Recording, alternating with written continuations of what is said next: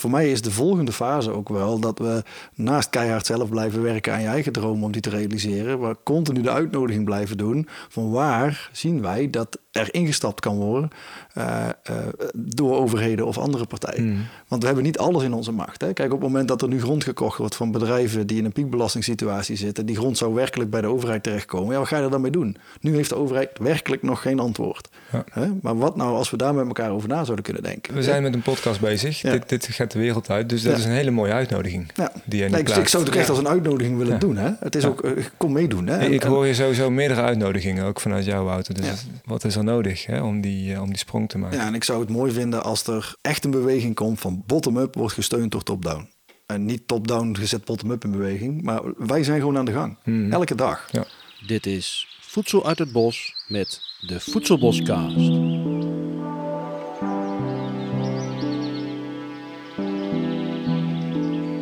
Ja, ik heb, uh, ik heb alvast op uh, record gedrukt. Oei. dus we kunnen niet meer terug. Nee. Ik zal mijn telefoon ook eventjes Deze stellen dat hij recht op mij. Ja, dus... Beter, Zit iedereen een beetje ontspannen bij? Ik wel. Ja, hè? Ja. Nou, dan ga ik gewoon beginnen met het, met het intro. Dit is het tweede seizoen van de Voedselboscast. Het jaar waarin we onderzoeken hoe voedselbossen een bijdrage leveren aan de samenleving van de toekomst. Wij zijn Frank Gorten en Marieke Karsen. Marieke is er vandaag niet bij. Van Voedsel uit het Bos en wij zijn nieuwsgierig naar de pioniers die hiermee bezig zijn. Gaan voedselbossen de samenleving en het landschap veranderen? Wij denken van wel.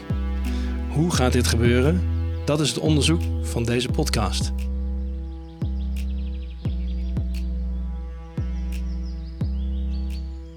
We hebben vandaag een special edition van de Voedselboscast. Want wij zitten namelijk op het Green Dream Permacultuur Festival te Hilvarenbeek. En ja, met dit kleine uitstapje trekken we eigenlijk de voedselbossen wat breder. We gaan eigenlijk hebben over de ja, de bredere regeneratieve beweging die wij eh, aan het maken zijn. En wij zijn bij elkaar op dit festival om elkaar te ontmoeten, om workshops te ondergaan, maar ook om te geven. Want hier loopt een beetje, ja, laten we zeggen, crème de la crème van alle pioniers die met die regeneratieve beweging bezig zijn. Ik zie hier wat lachende gezichten. Maar wat kan je dan allemaal niet doen? Hè? Dus uh, je hebt hier allerlei verschillende workshops van uh, hoe ga ik om met voedselbossen. Hoe doe ik het met uh, CSA? Hoe doe ik het met agroforestry? maar ook hoe bouw ik een pizza-oven? Ehm, en hoe hou ik mijn oogst goed op de plank? Hè? Hoe ga ik daarmee om? fermenteren, noem maar wat. Dat alles op dit festival. Ehm, maar Martijn, ik vond het ook heel mooi bij de opening.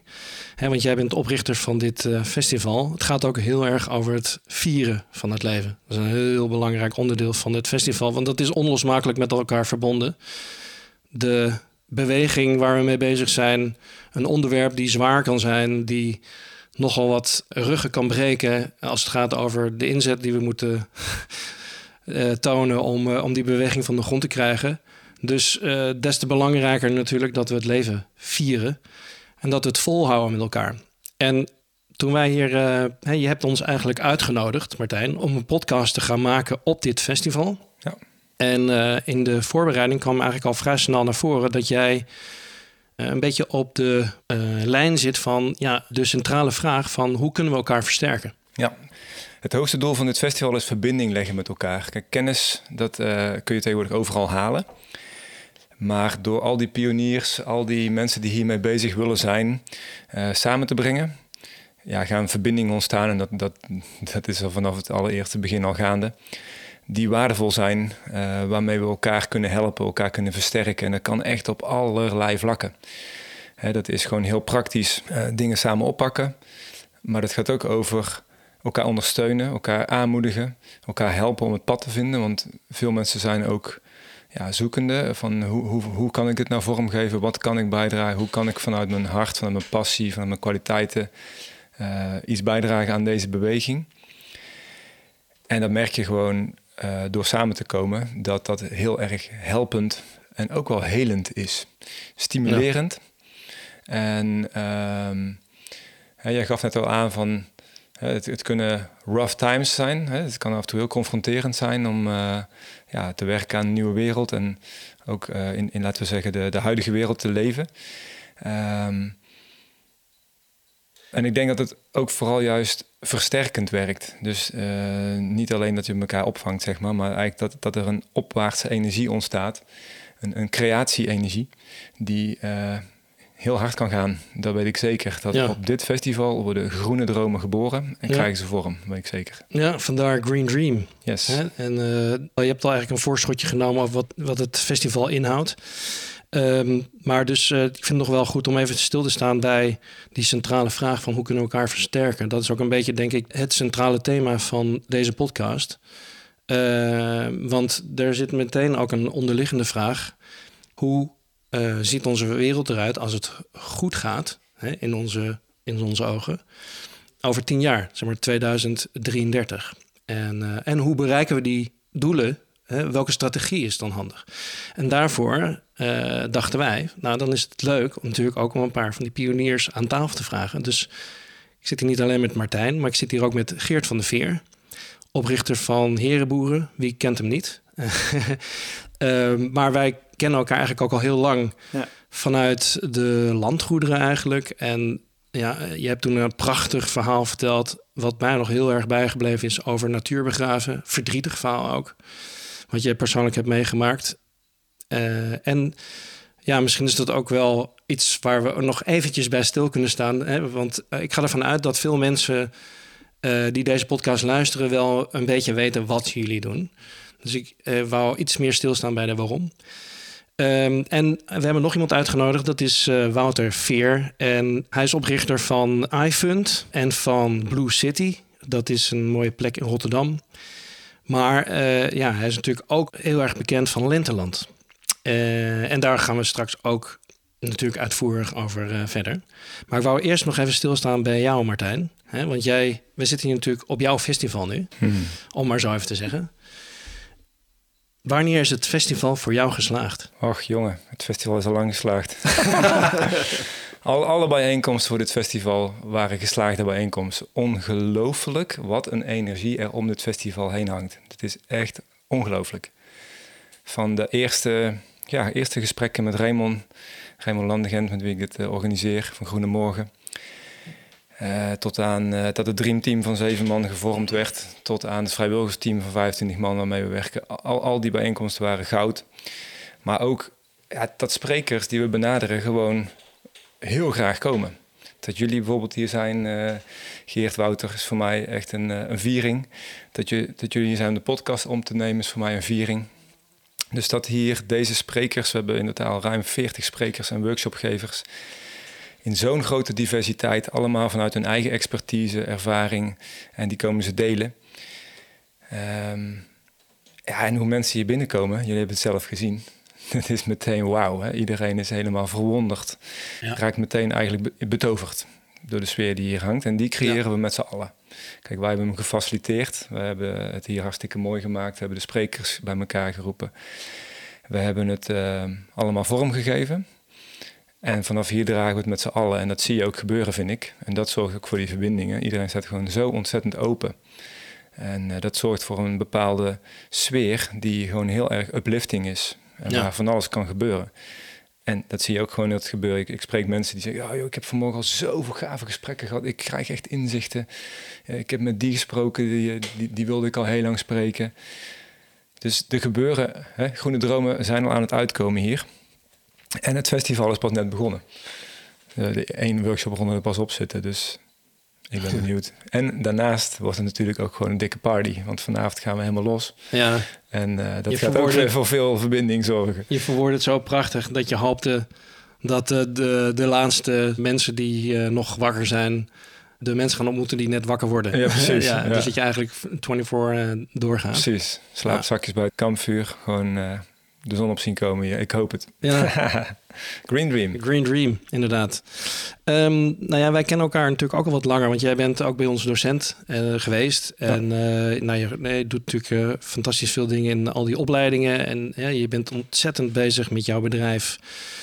Uh, moeten we dat ook even noemen? Altijd goed, hè? Ja, puur permacultuur. Dankjewel. Ja, um, daar ben jij mee bezig. Waarom doe jij wat jij doet? Yes, wauw. Ja. Ja, ik heb het ook in een vorige podcast al uh, heel uitvoerig uitgelegd. Ja, je bent volgens mij, daar zat ik ook aan te denken, de eerste, die ja. voor de tweede keer in de voedselboskast komt. Dus ik zou zeggen, uh, luister die sowieso eens terug als je daar heel benieuwd naar bent. Ja. Maar ik denk dat ik, uh, als ik het even wat korter zeg, een reis die ik zo'n 17 jaar geleden maakte, deed mij ontwaken, deed mij op een nieuwe manier naar de wereld kijken.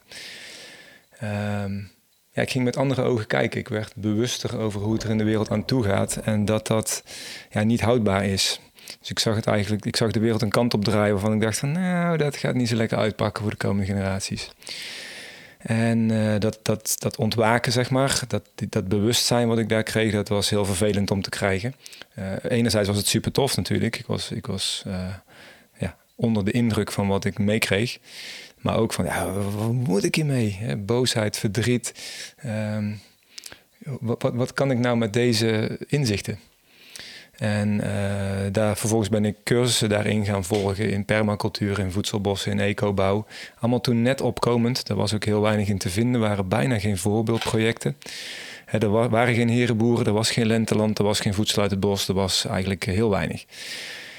Um, en ik raakte door trainingen die ik in het buitenland volgde zo enthousiast dat ik voelde van ja, dat is wat ik wil doen. Ik wil groepen met elkaar, ik wil, ik wil groepen uh, lesgeven, ik wil ze verbinden met elkaar. Ik wil dat daar, een, een, uh, ja, dat daar kennis opgedaan wordt, handvatten waar je iets mee kunt doen. Maar vooral ook wel die verbinding met elkaar leggen, zodat je met die groep samen een reis maakt en je op een andere plek uitkomt waar je was begonnen, eigenlijk net als mijn eigen reis. En dat doe ik nu 11, 12 jaar. Jouw eigen reis waar je over vertelt in de vorige ja, podcast. Precies, ja, En elke training die ik geef is ook een reis. Iedereen maakt daar dingen in mee, gaat door een ontwikkeling heen ja. en zet stappen. Um, en dat is voor iedereen anders. En dat is heel interessant, heel uiteenlopende groepen. En uh, altijd hele, hele mooie processen die daar plaatsvinden. Ja, nou ja, en ik heb je ook een beetje uitgedaagd in de, in de voorbereiding. Um, omdat we ook al zo een beetje naar de toekomst uh, willen kijken. Uh, ik weet van jouw droom. Hmm. Uh, en ja, de droom gaat over een permacultuurcentrum. Juist. Zou je daar iets over willen zeggen? Ja, in die reis. Uh, ik besefte me op die reis dat ik aan het reizen was in mijn eentje. En dat was een droom die ik daarvoor heel lang koesterde. Van op mijn eentje de wereld reizen. En ik dacht no nooit dat ik dat zou kunnen. Maar ineens was ik het aan het doen. En toen openbaarde zich eigenlijk als het ware een nieuwe droom voor mij. En droomde ik een permacultuurcentrum. Een educatiecentrum waar eigenlijk alles op het gebied van permacultuur, dus ecobouw, het is, uh, alle ruimtes ecologisch gebouwd, een voedselbosomgeving. Ook had ik toen nog nooit een voedselbos gezien.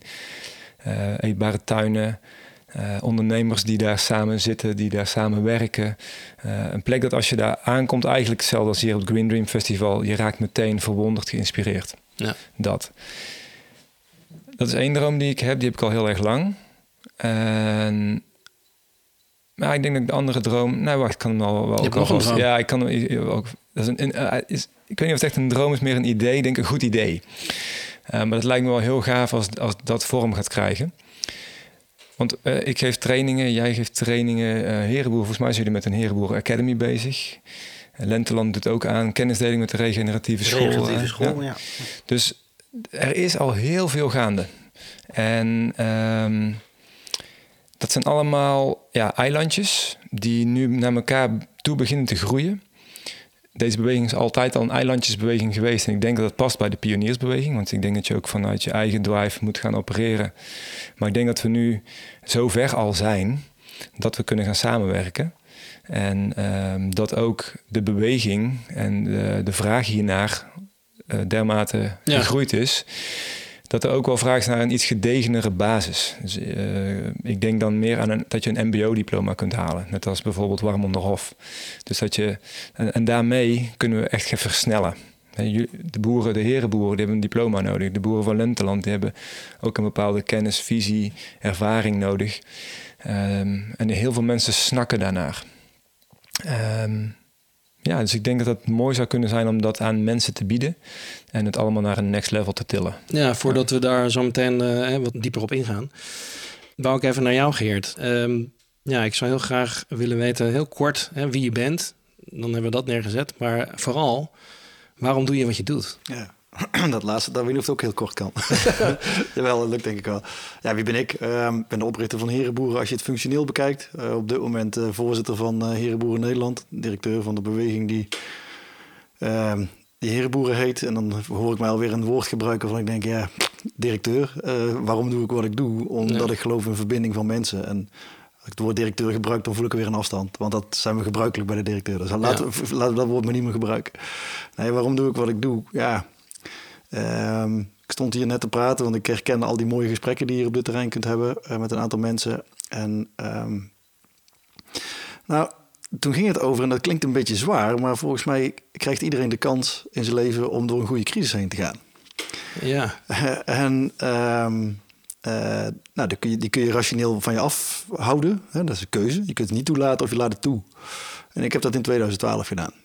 In 2012 toen, toen ja, was ook een soort van moment. Eh, ik denk dat het een beetje herkenbaar wat jij zegt. Het komt je, ja, ik zeg het toeval bestaat niet. Het valt je toe hè, op zo'n moment. Het valt je toe. ja, Dat je ineens inzichten krijgt en denkt van ja, klopt het wel wat ik aan het doen ben? Ehm, dus dat moment, dat, dat, dat heb ik toegelaten ook. En ik ben daar volledig ingegaan. En dat leverde voor mij echt een complete kanteling in mijn denken en doen en handelen eh, op. Zou je, zou je een klein beetje sluier willen oplichten wat dat moment was? Ja, dat wil ik wel doen, zeker wel. Ehm, eh, de- nou, ik, ik kwam tot de conclusie, eh, mijn inzicht was op dat moment dat ik eh, mijn fysiek, ik woog toen 100 kilo. Ehm, Oké. ehm, Dat kun je nou Ja. niet meer voorstellen.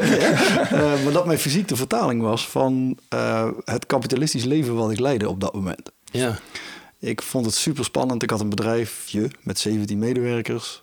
Ehm, en ik vond het super spannend om eh, met al die andere directeuren s'avonds uit eten te gaan. Want dan kon je met elkaar deeltjes maken, kon er weer geld verdiend worden. En dan kon je plannen maken over geld verdienen. En in, elke zin in mijn hoofd kwam geld verdienen voor.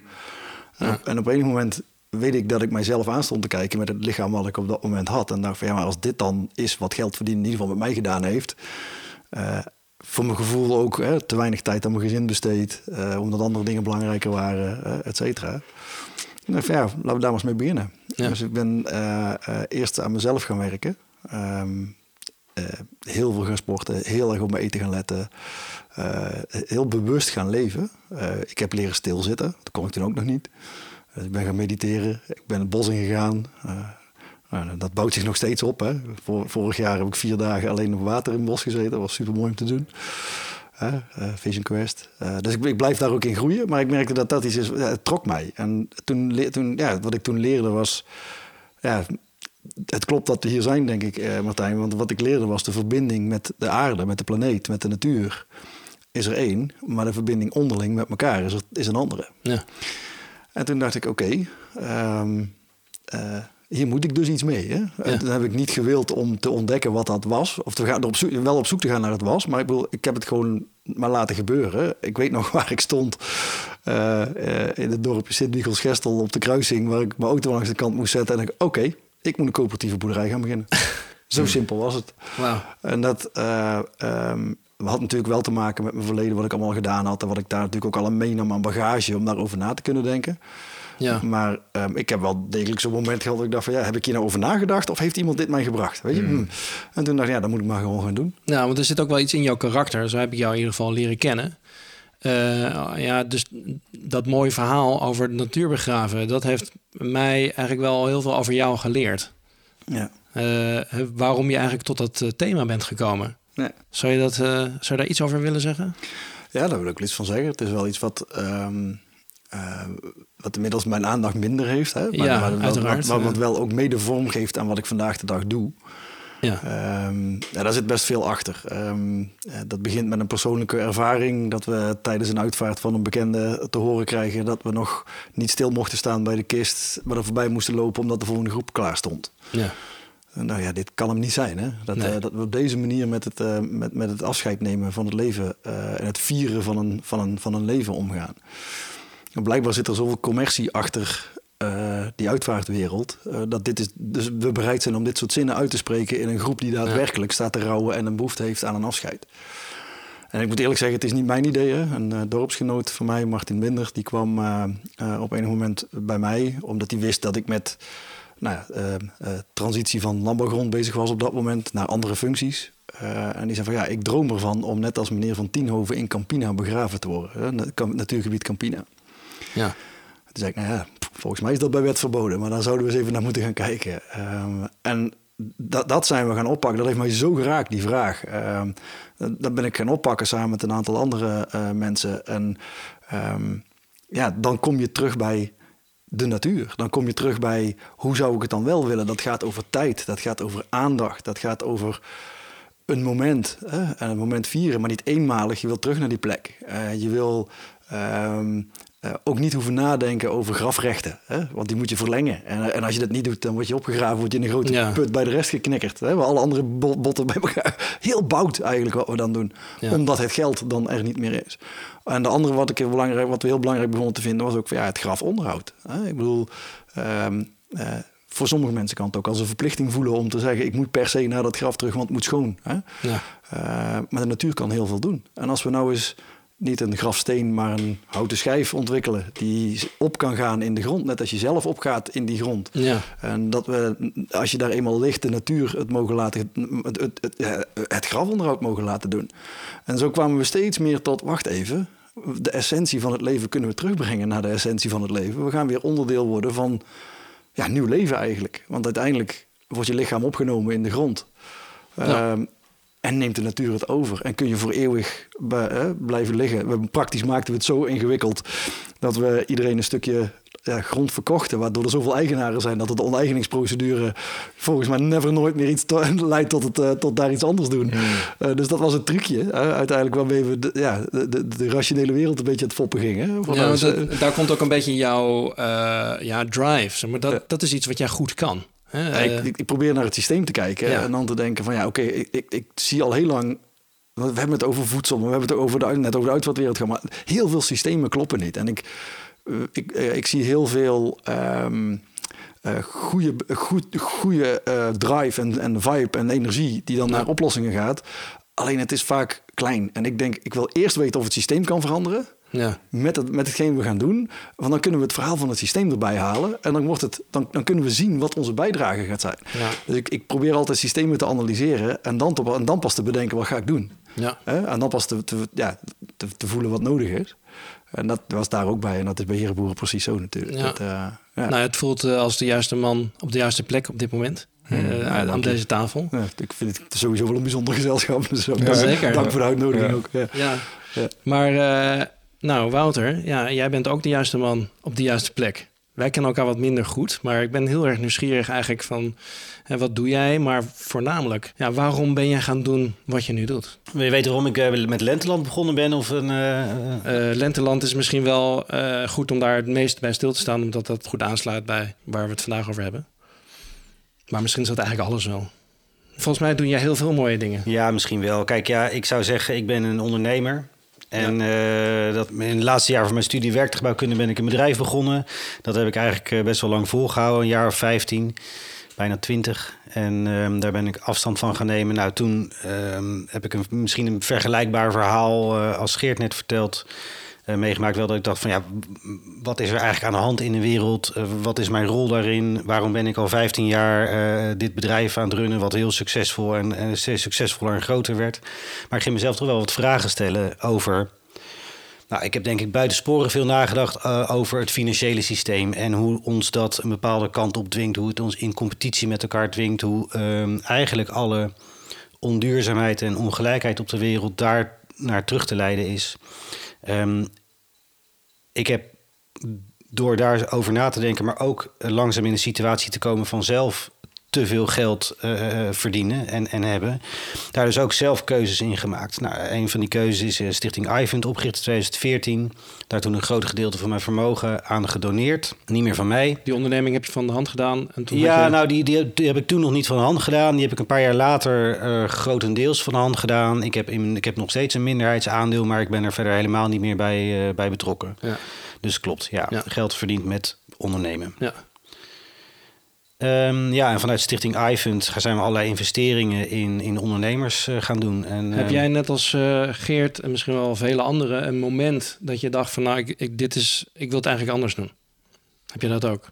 Of is dat meer geleidelijk gegaan? Het is, het is denk ik geleidelijk gegaan. Het is denk ik niet zo drastisch geweest. Uh, ik had wel in die laatste jaren van het bedrijf... Um, dat ik mezelf steeds meer die, die vragen ging stellen van waar, ja, wat, wil ik eigenlijk? Uh, ik ben tijdens mijn studie met dat bedrijf begonnen en dat, dat draaide gewoon door. En op een gegeven moment vroeg een, mijn, de eerste werknemer die ik had, die werkte toen nog steeds, die zei: Wouter, bestaan wij niet 15 jaar volgend jaar? En dat was voor mij terugkijkend wel een moment dat ik dacht van, oh nee. Als ik nu niks verander op, dit, op die olietanker die maar alsmaar recht doorgaat... met mm. allemaal, voor mijn gevoel ook allemaal andere mensen in de stuurhut van mijn leven misschien wel... die dingen van mij verwachten of waar ik verantwoordelijkheden voor voel als ik niks verander, dan, dan sta ik over vijf jaar op een verjaardag te vertellen wat ik doe. En dan vraagt iemand hoe lang al. En dan zeg ik bijna twintig jaar. en dat was een. Uh, dan dacht ik, ja, nou, toen heb ik vrij snel tegen mijn compagnon gezegd: joh, uh, vanaf maandag ben ik er nog maar drie dagen in de week. Dat gaat nog minder worden. Dat maak ik nu heel makkelijk, maar dat was heel eng. Ik was hmm. doodsbang eigenlijk, gek genoeg. Ik weet niet precies waarom, terugdenkend, maar ik vond het doodeng. Was het, maar uh, het, lijkt een calling eigenlijk, dat je, maar dan nog niet precies weet wat die is dat je eens voelt van ik moet het anders doen, maar ik weet nog niet wat. Nou, ik had al heel vaak eh, eh, ideeën gehad over wat ik dan wilde gaan doen en dat ik anders wilde gaan doen. Maar toen wist ik vooral, ik moet eerst. Dat gaat niet, ik ga niet iets anders vinden en dan dit langzaam afbouwen. Ik moet dit afbouwen en dan moet het stil worden. En dan moet ik ruimte voelen en dan moet mm. ik geen haast voelen om iets nieuws te bedenken. En dan ga ik mijn nieuwsgierigheid volgen. Ik ga me verdiepen in wat er allemaal aan de hand is in de wereld. En dan, en dan ga ik wachten. Ja. Eigenlijk ga ik dan wachten tot ik vanzelf weer ergens in wordt meegesleurd. En dat heeft toch nog wel drie jaar geduurd. Ja, en dat is eigenlijk ook de tijd waarin ik, uh, nou, waarin ook een basis, dat, ik heb het nu over tussen zeg maar 2011 en 2014, dus ruim tien jaar geleden. En onder andere ging ik veel tegenlicht uh, kijken. En onder andere kwam ik natuurlijk uh, de Groen-Goud afleveringen tegen. Ja, en de, de, de Groen-Goud aflevering van, van, John Liu. Van John Liu. Uh, met zijn docu Hope in a Changing Climate. Nou, we kennen hem allemaal. Ja, ja en dat is um, natuurlijk, ja, dat, dat, dat is altijd blijven hangen. Ja, nou herkenbaar. Dat, dat Groen-Goud, dat heeft zoveel gedaan. Ja. ik hoor eigenlijk bijna iedereen er wel een keertje over. Ja. Ehm, nou, ik, ik, ik vind het echt onwijs gaaf dat wij hier met deze formatie eigenlijk bij elkaar zitten. Want het geeft ons de kans om misschien eventjes naar de toekomst te gaan. En te gaan kijken van hoe ziet onze toekomst eruit als alles goed gaat. Maar voordat we die vraag stellen, zou ik eigenlijk aan, jullie willen stellen de vraag: uh, waar staan we nu? Waar staan we nu op dit moment? Ja, ik ben niet eh, optimistisch over, over waar we staan. Uh, en, en, we zitten hier nu in, allemaal in een Green Dream uh, bubbel. En dat vind ik echt hoopvol, hè, dat, dit zo, dat, hier, dat dit zoveel mensen bij elkaar ja. brengt. Maar ja, wat er buiten gebeurt, dat is natuurlijk... Het lijkt wel alsof iedereen gek is geworden en zijn verstand heeft verloren. En, en, en wij hier in een, in een bubbel zitten die nog enigszins gezond verstand heeft. Hmm. Het is het is vreselijk. Een mhm. bubbeltje zou ik willen zeggen. Ik, ik, merk wel dat ik in mijn omgeving continu mensen tegenkom die elkaar kunnen bevestigen. Maar dat de wereld buiten uit veel meer mensen bestaat die dit nog helemaal niet begrijpen. Waarbij ik overigens ook niet zou willen uitstralen dat ik wel weet wat het is. Hè? ik bedoel, ik denk dat we. Uh, de mooiste bubbel is de bubbel van mensen die uh, het niet weten tegemoet durven treden. Mm. En die ervaren dat er iets aan de hand is en dat er iets. Maar als je vraagt waar staan we nu, voor mij blijft toch iedere keer de vraag: zijn we, zijn we nog op tijd? En niet om de planeet te redden, die blijft voldraaien. Hmm. Maar wat gaat het met ons doen? En dat vind ik, daar kan ik ook heel depressief van worden aan de andere kant. Ja. Ben je dat wel eens af en toe dan? zo min mogelijk eigenlijk. Ja, ik moet eerlijk zeggen dat, dat dat alleen is op het moment dat je daar uh, in een soort van rationeel gesprek over begint. Want in wat ik voel en wat mij drijft, zit totaal geen depressiviteit of iets anders. Daar zit alleen maar kansen richting toekomst. Kom, laten we die pakken. Laten we gaan samenwerken. Ja, weet je, als ik kijk hè, naar waar we tien jaar geleden stonden. Ja. Wij, wij, kennen elkaar ook ongeveer tien jaar, Geert. Ja. wij stonden toen op braderietjes uh, met herenboeren en permacultuur. Uh, ja. gewoon uh, ons ding te vertellen. En als je kijkt waar we nu staan... En ik, daarom vind ik ook zo tof om jou aan tafel te hebben, Wouter. Uh, met hoe jij Lenteland nu aan het uitrollen bent. En uh, eigenlijk nog pas vrij kort, maar wat een impact dat nu al heeft. Alleen al als het gaat om uh, bringing the message out. Ja, zeker. Dat is gewoon ja, fantastisch, vind ik. En daarin, als ik dan naar de ontwikkeling kijk van de afgelopen tien jaar en waar we nu staan, staan we verder als wat ik tien jaar geleden had durven hopen. Dat er herenboerenprojecten zijn en niet één, nee, tientallen. Dat Lenteland aan het ontvouwen is. En zo kunnen we door blijven gaan met eigenlijk projecten die zo ontzettend succesvol zijn als het gaat om de wereld van morgen opnieuw vormgeven. Dat is early adapters stage. Ja. Maar ik zie daar wel een sneeuwbaleffect in. Of misschien een mooier eh, woord vind ik, de golf wordt steeds krachtiger. En you can ride it. En waar die golf heen gaat, en dat vind ik ook mooi van jou, uh, Geert, is dat we het niet weten. Ja. We weten niet waar die, weer, uh, waar die golf heen gaat, maar hij is wel heel erg nodig. En het wordt ook onstuimiger.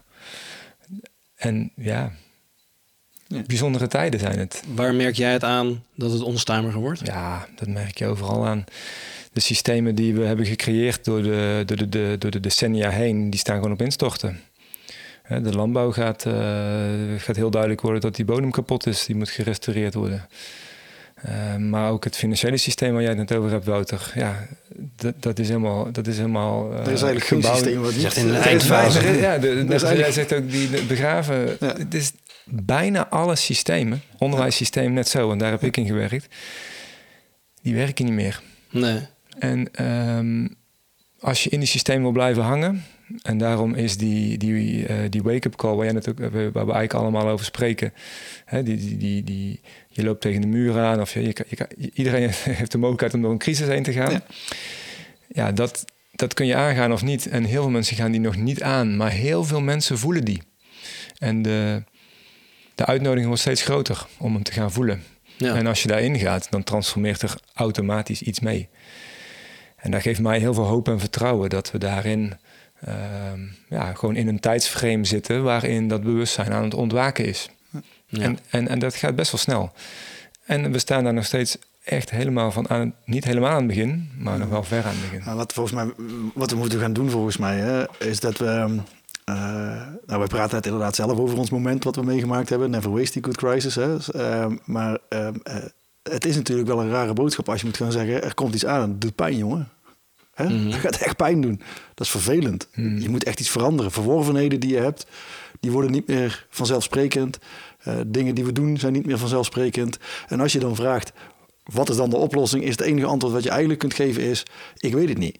En dan is de enige vraag die je volgens mij met elkaar zou moeten beantwoorden, uh, uh, hier op zo'n festival, op al die andere momenten die er, op dat moment, die, er, uh, die er zijn in ons leven, wat hebben we te organiseren om die pijn zo klein mogelijk te maken en elkaar op te vangen op het moment dat het, dat het vervelend wordt? Ja. Want de weg naar voren, zo duidelijk als bijvoorbeeld het idee van het kapitalisme was, hè, we gaan de vrije markt, et cetera, waar we dit allemaal aan, uiteindelijk is dit de, de, de, de doorgeslagen versie waar we nu in zitten zo duidelijk zo'n routekaart is er op dit moment niet. Hè? Het enige wat we voelen is de verbinding is een heel erg belangrijk element. Maar waar ja. we precies uit gaan komen, dat is nog maar de vraag. Dus de, de, de, weten dat er iets aankomt dat vervelend gaat zijn. Weten dat dat een kanteling gaat zijn voor iedereen.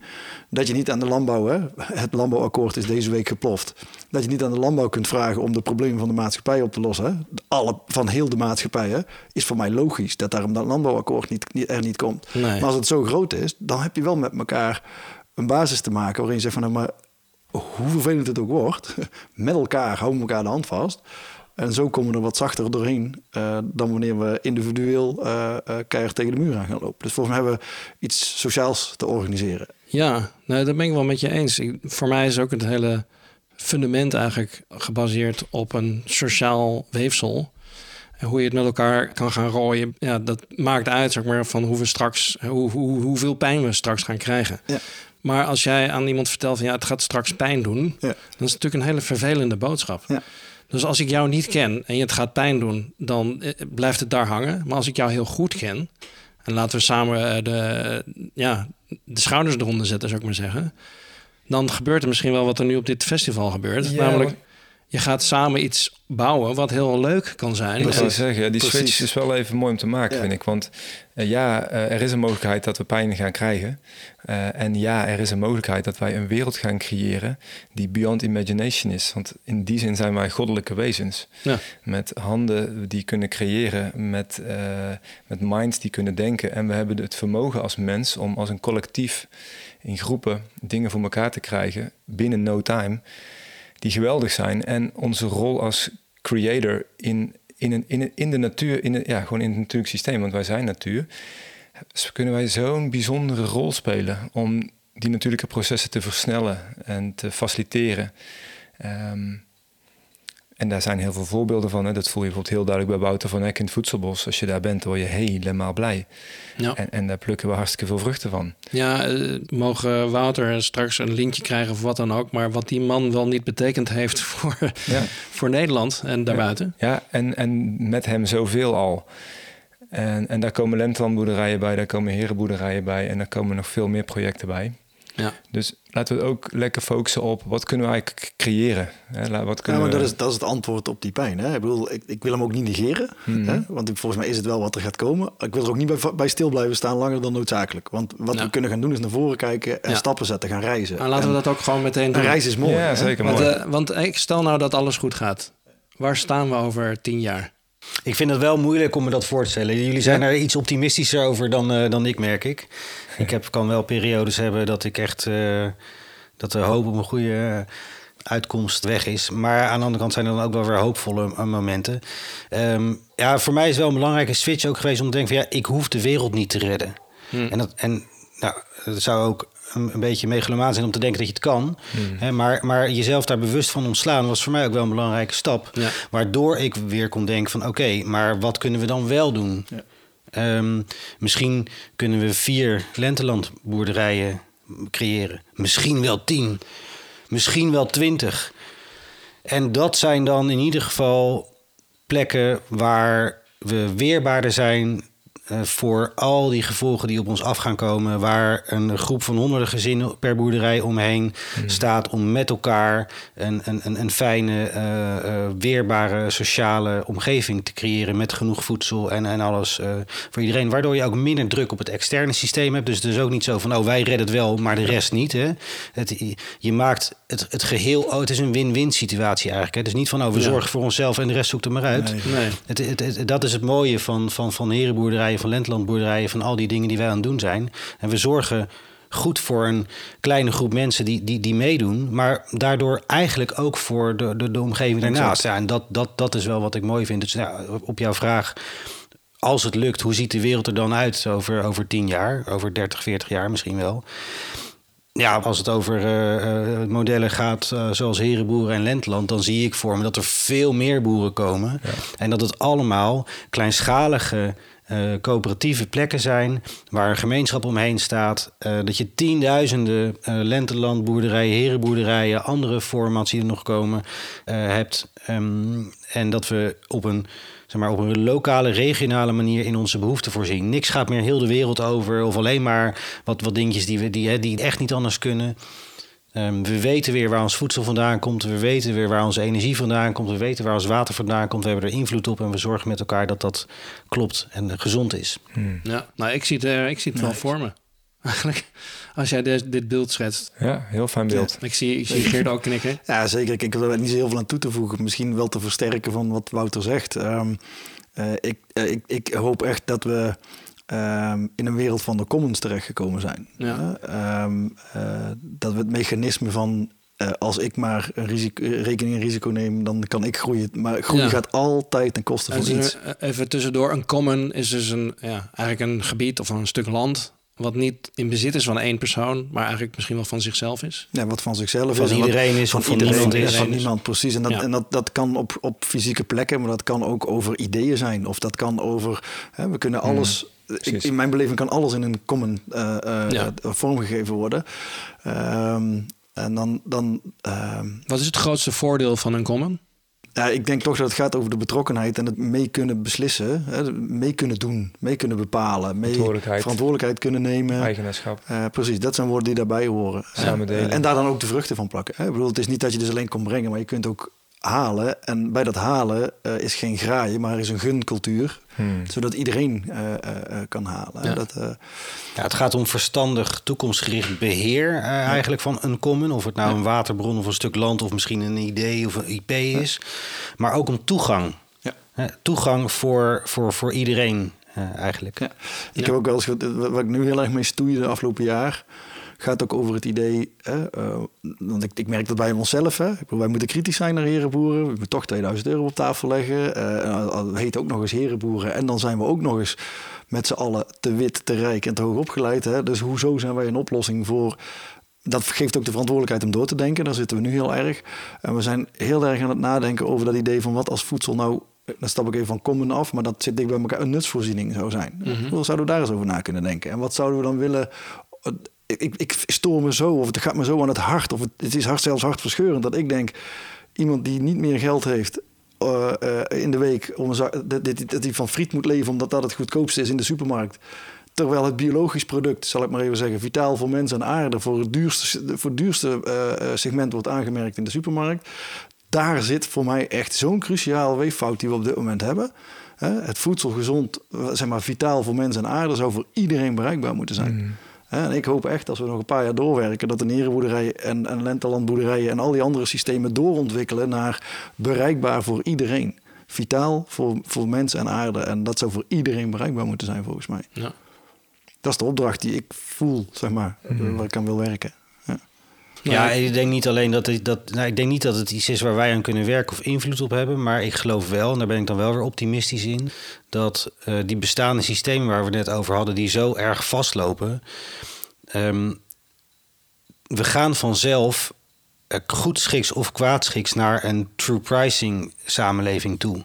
Uh, en ja, je, je, je zag het eigenlijk al een half jaar voordat Poetin uh, Oekraïne binnenviel, dat uh, de gasprijzen omhoog schoten en kunstmestfabrieken gingen sluiten. Het is natuurlijk vreselijk dat er straks een voedseltekort op, de, op de wereld komt. Um, maar goed, het is ook natuurlijk goed nieuws dat we gedwongen worden om naar een andere manier ja. van landbouw toe te gaan. En dat hey. al die chemische inputs voor, nou ja, laten we zeggen, we noemen het gangbare landbouw, maar laten we het gewoon chemische landbouw noemen. Um, dat al die uh, inputs steeds duurder worden, waardoor de business case van de, de, chemische landbouw langzaam onderuit schuift, terwijl de business case van um, regeneratieve landbouw uh, relatief gezien dus steeds beter wordt. Ja. Tijd, tijd voor crisis, tijd voor groei, tijd voor inzicht. Dat is de tijd waar we nu in zitten daarin. Wat bedoel je daarmee? Nou, wat, wat Wouter zegt, van uh, kwaad, goedschiks of kwaadschiks, gaat het veranderen. Ja. En systemen zie je gewoon om je heen zijn aan verandering onderhevig, omdat ze tegen de muur aanlopen. Er ontstaan crisis. Dus uh, ja, dat zorgt dus voor verandering. Dat, dat en zelfs in een, in, een, in een heel vervelend scenario dat er periodes komen met te weinig water, te weinig voedsel. En ja, uh, helaas is het zo dat we dan, of ja, helaas voor ons niet, maar in Nederland zullen we daar als laatste last van hebben. Maar je ziet het in grote delen van de wereld natuurlijk al wel gebeuren. Maar ergens gaan we ook weer naar een nieuwe balans toe. Overal waar, waar, waar mensen samenleven, zal er weer een nieuwe economie op, stand, op gang komen. Zullen mensen voedsel voor elkaar gaan telen. En, ja, en zal dat op een andere manier gaan dan, dan nu. Ja. Dus daar, ja, dat, dat, dat, dat kunnen wij misschien een klein uh, zetje geven. Nee, zo is het meer, is het ook niet. Ik, ik, ik, hoop gewoon als ik s morgens opsta en dan uh, wij ontbijten altijd met het gezin of althans met een, uh, voor zover school en tijden daar niet in de weg zitten. Maar als ik dan de, de, tafel rondkijk, dan denk ik toch van ja, voor jullie moet ik iets doen, maar ik kan het niet oplossen. En ook zij kunnen ik kan ook niet vragen aan hen om het op te lossen. Hè. Mijn kinderen heb ik het dan over. Hè. Um, maar wat ik hoop elke dag is dat ik weer een klein beetje inspiratie mag brengen. Uh, bij, bij ieder die een stapje wil zetten. Ik merk dat dat steeds meer mijn gevoel geeft van oké, ik, ik heb iets mogen doen. Dat is wat het op dit moment is. Uh, maar daarnaast denk ik dat, dat het bieden van inspiratie aan anderen om ook een stapje te gaan zetten uh, iets is wat we kunnen doen. En dat kunnen we allemaal hier aan tafel, omdat we allemaal een achtergrond ja. hebben. Ja, en dat lukt je al een hele tijd. Want dat heb ik ook vaak tegen gezegd, Geert. Uh, zonder herenboeren was Lenteland er niet geweest. Precies. Uh, wij, ja. hebben, wij hebben natuurlijk ook veel in de aanloop naar Lenteland uh, veel met elkaar gesproken. Ja. En ja. Um, uh, ja, Herenboer is een grote inspiratiebron geweest. En uh, uh, nou, we hebben, we hebben veel, veel nagedacht over um, op wat voor model kan er nou nog naast? Welke dingen kunnen misschien anders? En ja. veel credits daarvoor. Maar dit is wel interessant. Ik ben wel benieuwd eigenlijk naar hoe jullie dat zelf zouden verwoorden. Eventjes een klein uitstapje. Maar wat is het verschil tussen Herenboeren en Lenteland? Ja, die vraag krijg ik dus uh, ontzettend veel. Uh, maar misschien is het leuk als jij uh, die, die, beantwoordt.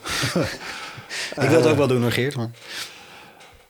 Ja, um, er, zijn, er zijn verschillen. Hè? Ik ook gewoon in het concept sowieso. Hè? De, de rol van de, van de boer is bij ons anders dan bij Lenteland. Ja. Um, ik zie ook. Ja, een... dus, dus bij jullie in dienst? Ja, daar zit, daar zit een filosofie achter dat we met elkaar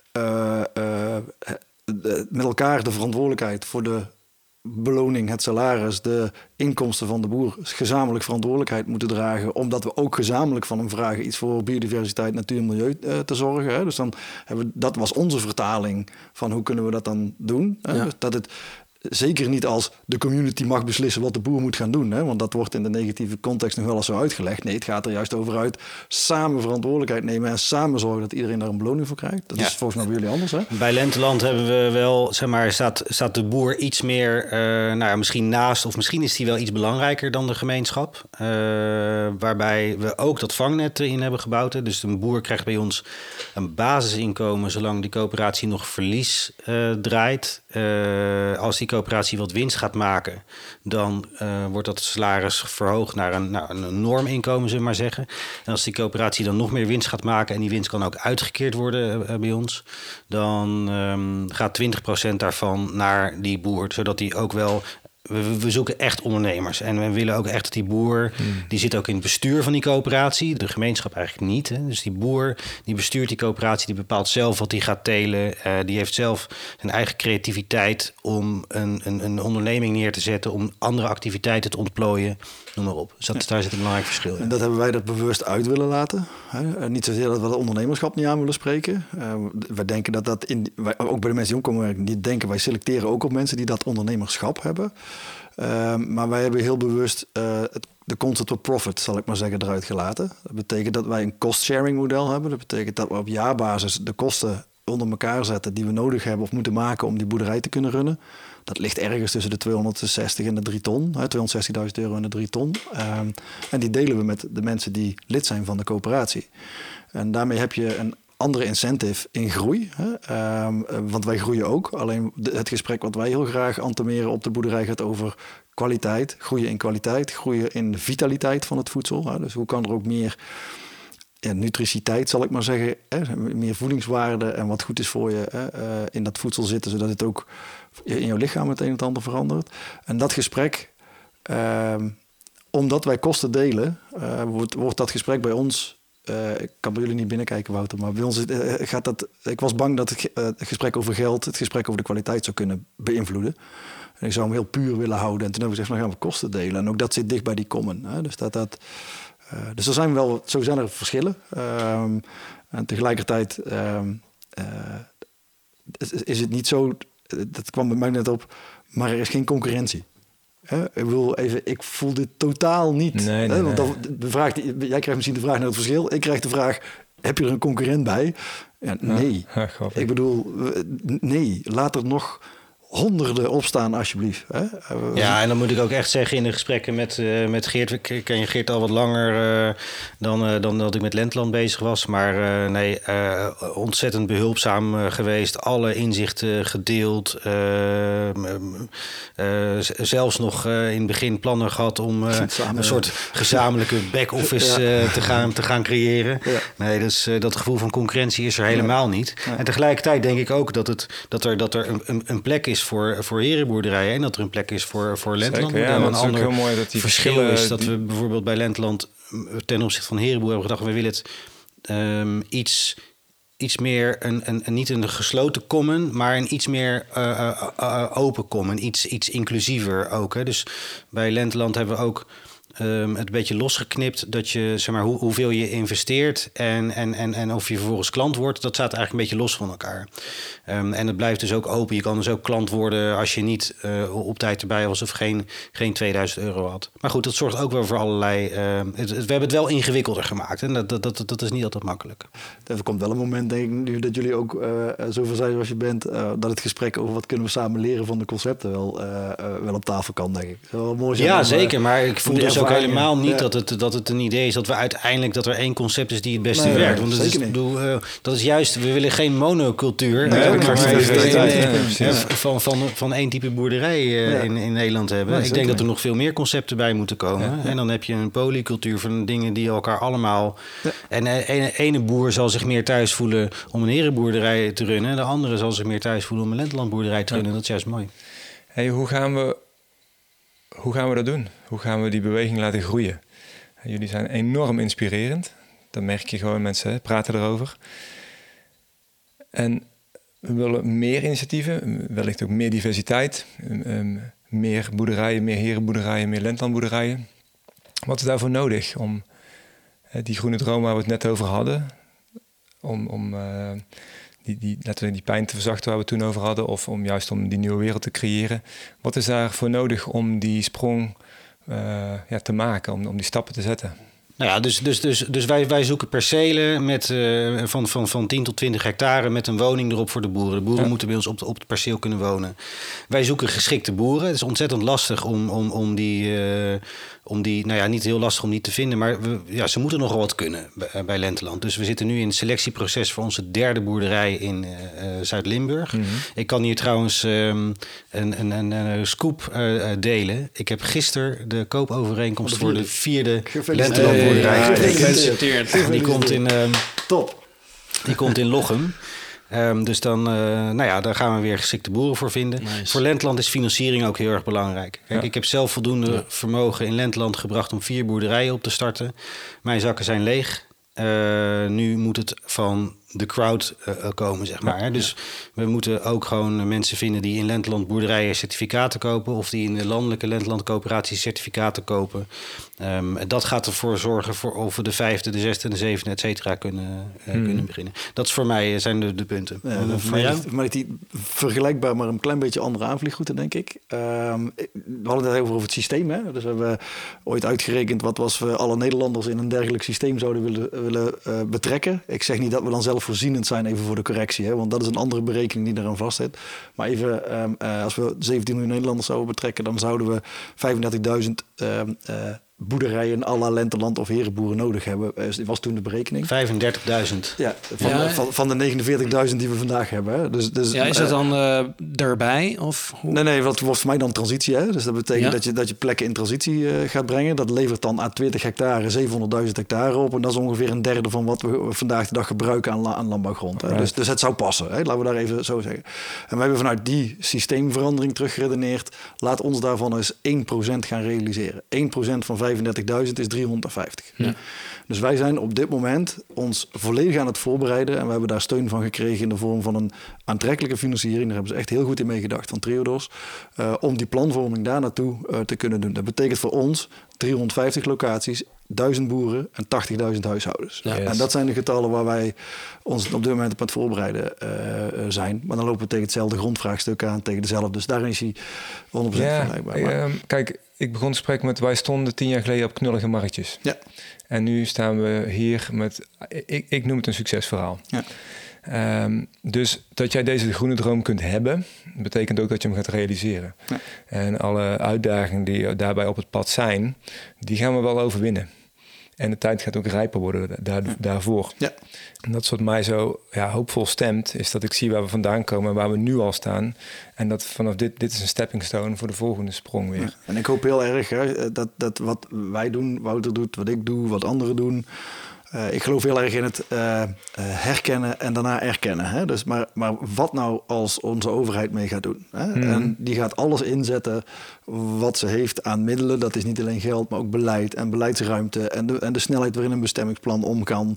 Hè? Ik bedoel, uh, dat zijn allemaal dingen die, die, die we samen kunnen gaan oppakken. Hè? Ja. Dus voor mij is de volgende fase ook wel dat we naast keihard zelf blijven werken aan je eigen droom om die te realiseren. Maar continu de uitnodiging blijven doen van waar zien wij dat er ingestapt kan worden uh, uh, door overheden of andere partijen. Mm. Want we hebben niet alles in onze macht. Hè. Kijk, op het moment dat er nu grond gekocht wordt van bedrijven die in een piekbelastingssituatie zitten, die grond zou werkelijk bij de overheid terechtkomen, ja, wat ga je er dan mee doen? Nu heeft de overheid werkelijk nog geen antwoord. Ja. Hè? Maar wat nou als we daar met elkaar over na zouden kunnen denken? We zijn met een podcast bezig. Ja. Dit, dit gaat de wereld uit. Dus dat Ja. is een hele mooie uitnodiging. Die Nee, ik, ik zou het ook echt als een uitnodiging willen doen. Hè? Het is ook, uh, kom meedoen. Hè? Ik, hoor je sowieso meerdere uitnodigingen, ook vanuit jou, Wouter. Dus wat is er nodig hè, om, die, uh, om die sprong te maken? Ja, en ik zou het mooi vinden als er echt een beweging komt van bottom-up wordt gesteund door top-down. En niet top-down gezet bottom-up in beweging, maar wij zijn gewoon aan de gang. Mhm. Elke dag. Ja. Hè? En Absoluut. naast ons nog veel meer mensen. Ja, hè? ja. Al die mensen die hier nou op jouw, jouw festival hè, eh, rondlopen, zijn aan de gang. Die hebben Mhm. allemaal een. een Ik heb wel eens gezegd, het is uh, lente in het buitengebied. de knoppen staan op springen.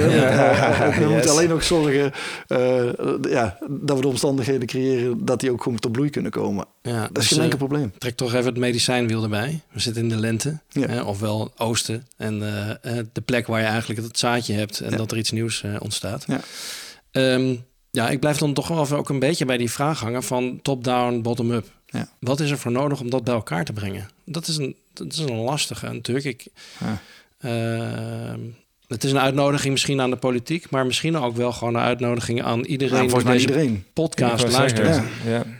Uh, wat kan jij nu doen? Ja, dat is een super mooie vraag. Ik denk dat die vraag staat sowieso dit festival uh, centraal. En ook wat wil jij doen? Waar word jij blij van? En dat vind ik mooi bij jullie ook om te zien. Je bent helemaal vanuit je eigen kwaliteiten bezig om de wereld van morgen op een nieuwe manier vorm te geven. Dat kunnen wij allemaal. Iedereen kan dat. En vaak heeft dat gewoon inderdaad dat, uh, dat knopje nodig waarin je ja, aangaat, bewust wordt, wakker wordt, weet ik. Je kan het op zoveel manieren benoemen.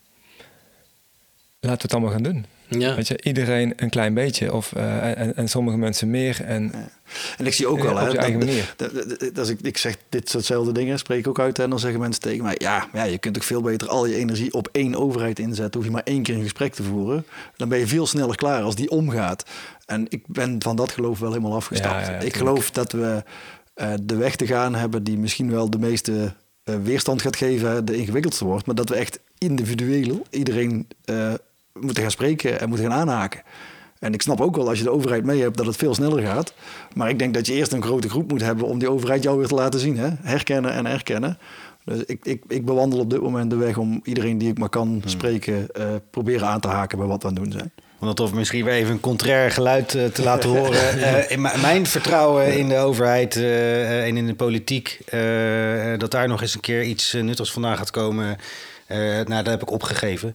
En ik vind het fantastisch dat jij je stem daar laat horen en, en, en, en daar met toomloze energie voor strijdt. Ik hoop dat het lukt. Maar uh, voor, mij, voor mij moet die bottom-up komen. Ja, ja. We moeten het met z'n allen doen. Ja. Um, en heel fijn, kijk, ik denk dat de politiek uh, die zal uiteindelijk volgen. Maar die zal hier geen leidende rol in nemen. Dat gaat gewoon nooit gebeuren. En voor mij voelt het ook een beetje als verspilde energie eigenlijk. Om, om, om, om daar uh, energie in te, in te steken of te hopen dat daar, dat daar iets vandaan komt. Dan ga ik alleen maar teleurgesteld worden. Dus, uh, daar zitten we overigens niet ik, anders in, Wouter. Ik bedoel, ik, ik, ben wel eens aan, ik ben wel aan tafel hè, uh, op dit moment. Maar dat is meer om te laten voelen dat we er zijn. Um, en ik vind ook dat, dat ons signaal uh, op die tafel moet liggen. Het vertrouwen in dat dat goed komt. Hè. Dus dan zou maar waarom hebben we, we hebben die politiek toch niet nodig, nee, nee, nee, Kijk, jij, ik ben het aan, bij, bij, bij jou maar... schieten de herenboerderijen uit de grond. Het zijn ja. gewoon 200 gezinnen die, die bij elkaar ja. een coöperatie uh, oprichten, geld op tafel leggen. En die gaan dan gewoon op de markt op zoek naar grond, naar een boer. Ja. En dan start je er een. Nou ja, zo, ga, zo, zo, zo, doen wij dat ook. Maar ik, voel, en, ik voel wel ergens, um, en dat voelen we denk ik allemaal hier aan tafel um, uh, de urgentie buiten, hè, dat we dit soort dingen doen. Hè. De, de, de, crisis van biodiversiteit en alles wat, nou, klimaat, milieu, die voel ik dusdanig groot dat ik denk, nou weet je, als wij groot genoeg zijn met elkaar, dan komt er toch een moment dat, we, uh, dat, dat ook een overheid anders moet gaan nadenken, dat de politiek anders moet gaan nadenken.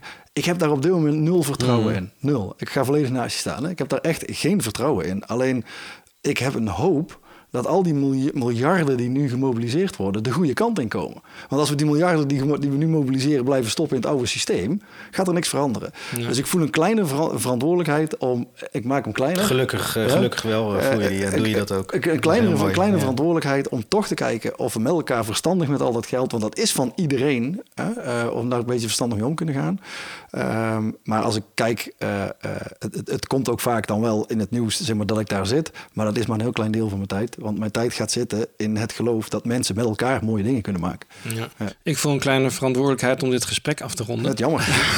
Want we zitten alweer over een uur. Oké. Uh, en ik wou Martijn eigenlijk vragen om uh, eigenlijk misschien een paar mooie woorden te zeggen. Gewoon ter afsluiting van dit uh, gesprek. En ook misschien waar we informatie kunnen vinden over jouw festival. Ja, Green Dream Festival.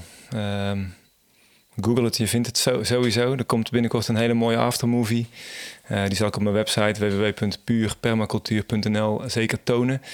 Um, ja, eens even kijken, mooie woorden.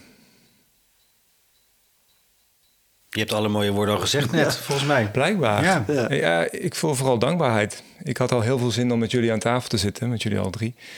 En eh, ik, ik vond het een heel fijn gesprek. En ik vond het leuk om jullie beter te leren kennen. Jullie beweegredenen en jullie visie en jullie, eh, ja, jullie richting. Dus eh, hartstikke mooi om dat te horen, met elkaar te delen en met elkaar te dromen. Dus eh, ik voel dankbaarheid. Ja, nou, die telt voor mij ook. Die wil ik wel onderstrepen. Ook voor de uitnodiging. Eh, ik was bij de opening eh, vanmorgen.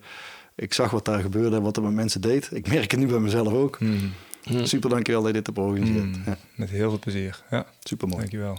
Ja, dat is mooi eigenlijk van eh, mens zijn. Hè? Dat als jij kippenvel krijgt, dan krijg ik het automatisch ook. Ja, Maar als jij verdriet hebt, dan krijg ik het ook. Mm. Als we verbonden zijn. Ja. zo is het. Maar Als we niet verbonden zijn, dan voelen we dat niet. En ik voel het nu ook, Geert. Ja, ik had hem even. Ik wil heel erg, jullie heel erg bedanken voor dit gesprek. Ik heb ontzettend eh, genoten van dit gesprek. Ja, misschien fijn om Wouter ook nog eventjes... eh, Ja, wil jij nog wat zeggen, Wouter?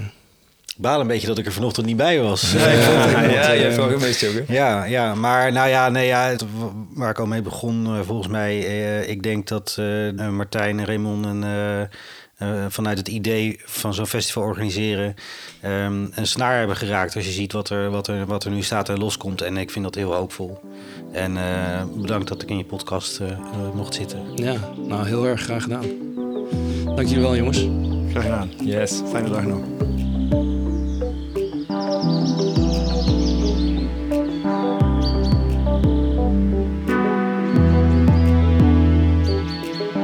De Voedselboscast is een concept van Marieke Karsen en Frank Gorter. Techniek, editing en de muziek is gedaan door Frank Gorter. Verder danken wij de rest van de organisatie van Voedsel uit het Bos, Anje Poortman en Joep van der Wal. Mochten er luisteraars zijn die deze podcast willen ondersteunen, dan wordt het erg op prijs gesteld, want we zoeken nog sponsors. Stuur een mailtje naar info@voedseluithetbos.nl.